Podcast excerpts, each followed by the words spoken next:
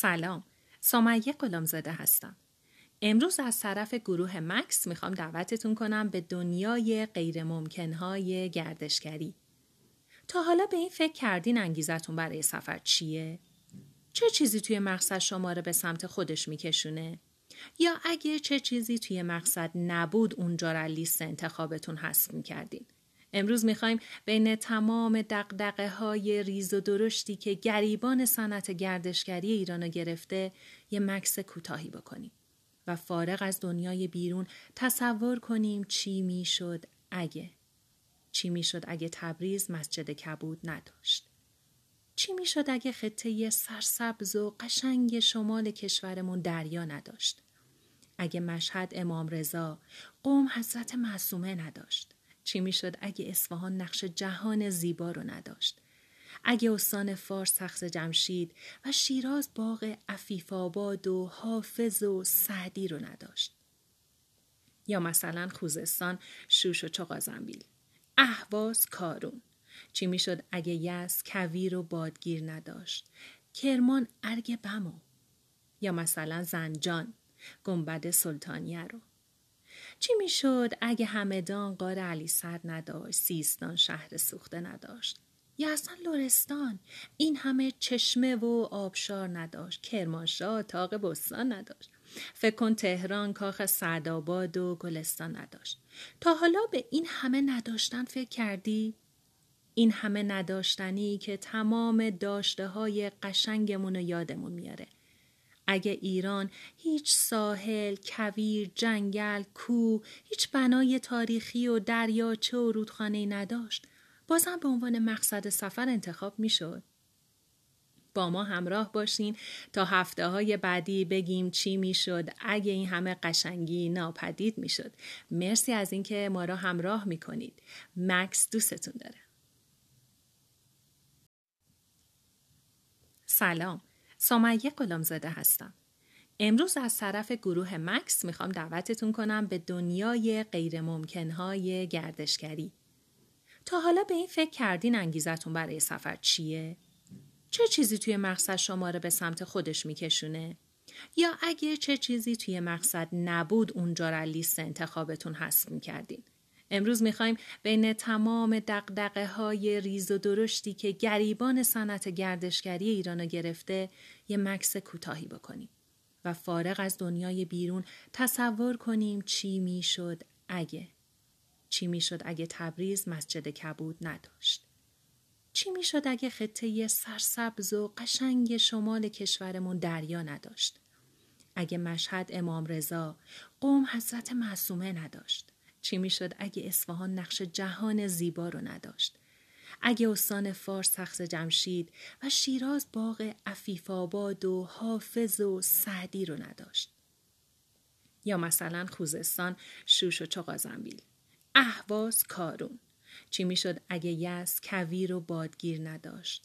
کرمان ارگ بمو یا مثلا زنجان گنبد سلطانیه رو. چی می‌شد اگه همدان قار علی سر نداشت سیستان شهر سوخته نداشت؟ یا اصلا لورستان این همه چشمه و آبشار نداشت کرمانشاه تاق بستان نداشت. فکر کن تهران کاخ سعدآباد و گلستان نداشت. تا حالا به این همه نداشتن فکر کردی؟ این همه نداشتنی که تمام داشته های قشنگمون و یادمون میاره. اگه ایران هیچ ساحل، کویر، جنگل، کوه، هیچ بنای تاریخی و دریاچه و رودخانه نداشت، بازم به عنوان مقصد سفر انتخاب می‌شد. با ما همراه باشین تا هفته های بعدی بگیم چی می‌شد اگه این همه قشنگی ناپدید می‌شد. مرسی از اینکه ما را همراه می‌کنید. مکس دوستتون داره.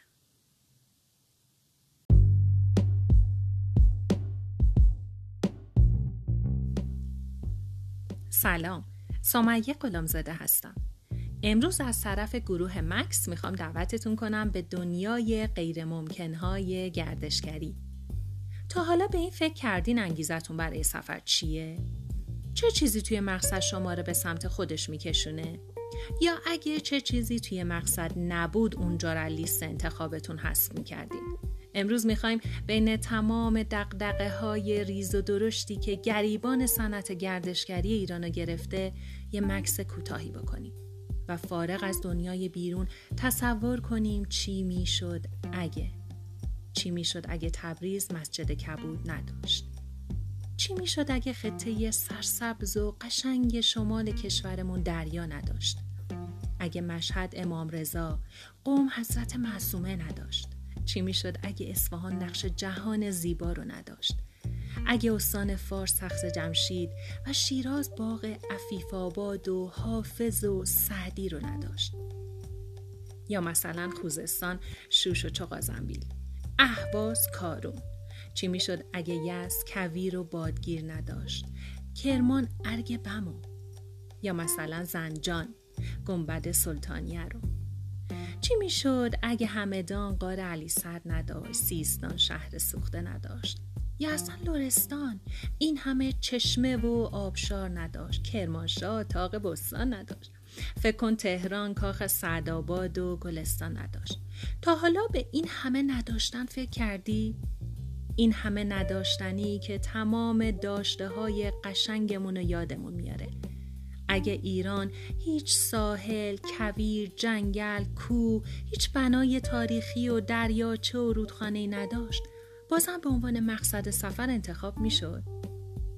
با ما همراه باشین تا هفته های بعدی بگیم چی می‌شد اگه این همه قشنگی ناپدید می‌شد. مرسی از اینکه ما را همراه می‌کنید. مکس دوستتون داره.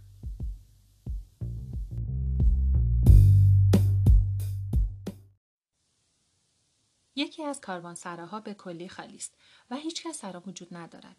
اما این کاروانسرا منزلی بسیار کثیف و غمانگیز و تاریک و در انتهای محله ویرانی قرار گرفته است. به جهنم چه می‌توان کرد؟ زور هم گذشته است. از گرسنگی به جان آمده و دیگر طاقت نداریم. باید داخل همین کاروانسرا شد. علاوه بر این قاطرچیان جلفایی دیگر پیش نمی روند و بارها را جلوی در کاروانسرا روی سنگفرش کوچه خلوت و کثیفی که مانند شب تاریک است می اندازند. کاروان سرادار با لبخند تمسخرآمیزی می‌گوید همه جا پر است جا نیست. چه باید کرد؟ پیرمردی که آثار هیلگری از چهرش پیدا و از لحظه پیش به دنبال ما روان است مانند کسی که بخواهد خود را محرم و رازدار نشان دهد نزدیک شده. چنین انتظار میدارد آقای ثروتمندی که اکنون کمی دچار تنگ دستی و مشکلات شده مرا معمور کرده است که خانهاش را اجاره بدهم شاید اجارهش کمی گران باشد زیرا باید ماهانه پنجاه تومان به او پرداخت. با وجود این شاید بتوانم تخفیفی از او بگیرم. بالاخره در انتهای کوچه بنبستی در موریان خورده ای را می گشاید که ظاهرش بدان می ماند که به سرداب گورستانی باز می شود. به چه خانه زیبایی! یک باغ یا بهتر بگویم باغچه گل سرخ است. درختان سرخ مانند اشجار معمولی بزرگ و بلند شده از اطراف بالا رفته. دیوارها را با شبکه ای از گل سرخ پوشانده است. در انتهای با کاخ, کاخ کوچکی شبیه به آنچه در افسانه های هزار یک شب ذکر شده وجود دارد.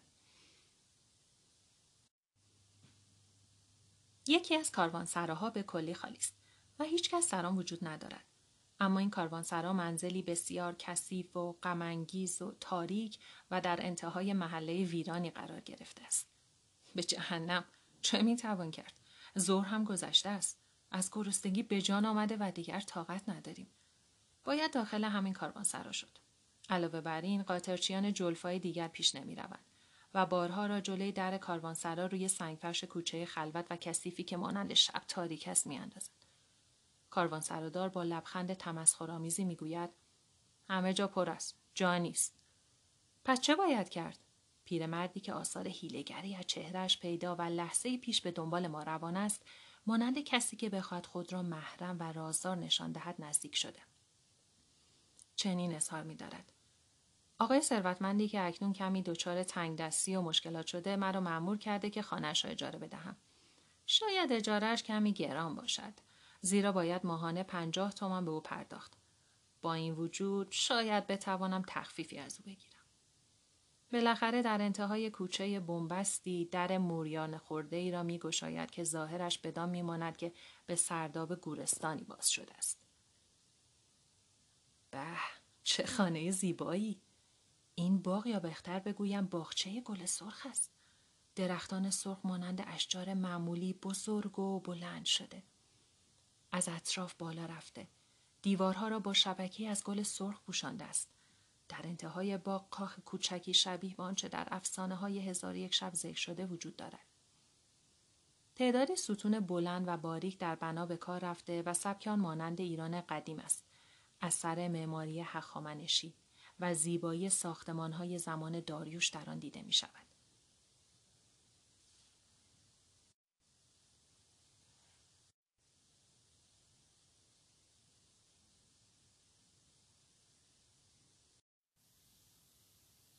یکی از کاروانسراها به کلی خالی است و هیچ کس در آن وجود ندارد. اما این کاروانسرا منزلی بسیار کثیف و غمانگیز و تاریک و در انتهای محله ویرانی قرار گرفته است. به جهنم چه می‌توان کرد؟ زور هم گذشته است. از گرسنگی به جان آمده و دیگر طاقت نداریم. باید داخل همین کاروانسرا شد. علاوه بر این قاطرچیان جلفای دیگر پیش نمی روند و بارها را جلوی در کاروانسرا روی سنگفرش کوچه خلوت و کثیفی که مانند شب تاریک است میاندازند. کاروانسرادار با لبخند تمسخرآمیزی می‌گوید همه جا پر است جا نیست چه باید کرد؟ پیرمردی که آثار هیلگری از چهرهش پیدا و لحظه پیش به دنبال ما روان است مانند کسی که بخواد خود را محرم و رازدار نشان دهد نزدیک شد. چنین اظهار میدارد. آقای ثروتمندی که اکنون کمی دچار تنگ دستی و مشکلات شده مرا معمور کرده که خانهاش را اجاره بدهم. شاید اجارهش کمی گران باشد. زیرا باید ماهانه پنجاه تومان به او پرداخت کنی. با وجود این شاید بتوانم تخفیفی از او بگیرم. بالاخره در انتهای کوچه بنبستی در موریان خورده ای را می گشاید که ظاهرش بدان میماند که به سرداب گورستانی باز می شود. به چه خانه زیبایی. یک باغ. یا بهتر بگویم باغچه گل سرخ است. درختان سرخ مانند اشجار معمولی بلند و بزرگ شده. از اطراف بالا رفته. دیوارها را با شبکی از گل سرخ پوشانده است. در انتهای باغ کاخ کوچکی شبیه به آنچه در افسانه های هزار و یک شب ذکر شده وجود دارد. تعدادی ستون بلند و باریک در بنا به کار رفته است و سبک آن هم مانند ایران قدیم است. اثر معماری هخامنشی و زیبایی های زمان داریوش در آن دیده می شود.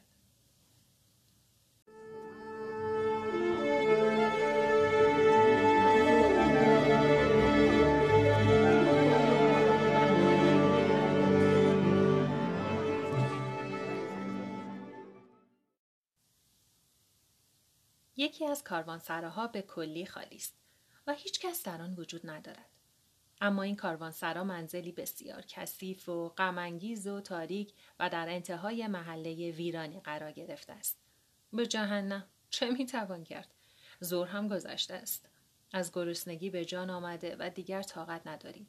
باید داخل همین کاروانسرا شد. علاوه بر این قاطرچیان جلفای دیگر پیش نمی روند و بارها را جلوی در کاروانسرا روی سنگفرش کوچه خلوت و کثیفی که مانند شب تاریک است میاندازند. کاروانسرادار با لبخند تمسخرآمیزی می‌گوید همه جا پر است. جا نیست. چه باید کرد؟ پیرمردی که آثار هیلگری از چهرهش پیدا و لحظه پیش به دنبال ما روان است مانند کسی که بخواد خود را محرم و رازدار نشان دهد نزدیک شد. چنین اظهار میدارد. آقای ثروتمندی که اکنون کمی دچار تنگ دستی و مشکلات شده مرا معمور کرده که خانهاش را اجاره بدهم. شاید اجارهش کمی گران باشد. زیرا باید ماهانه پنجاه تومان به او پرداخت کنی. با وجود این شاید بتوانم تخفیفی از او بگیرم. بالاخره در انتهای کوچه بنبستی در موریان خورده ای را می گشاید که ظاهرش بدان میماند که به سرداب گورستانی باز می شود.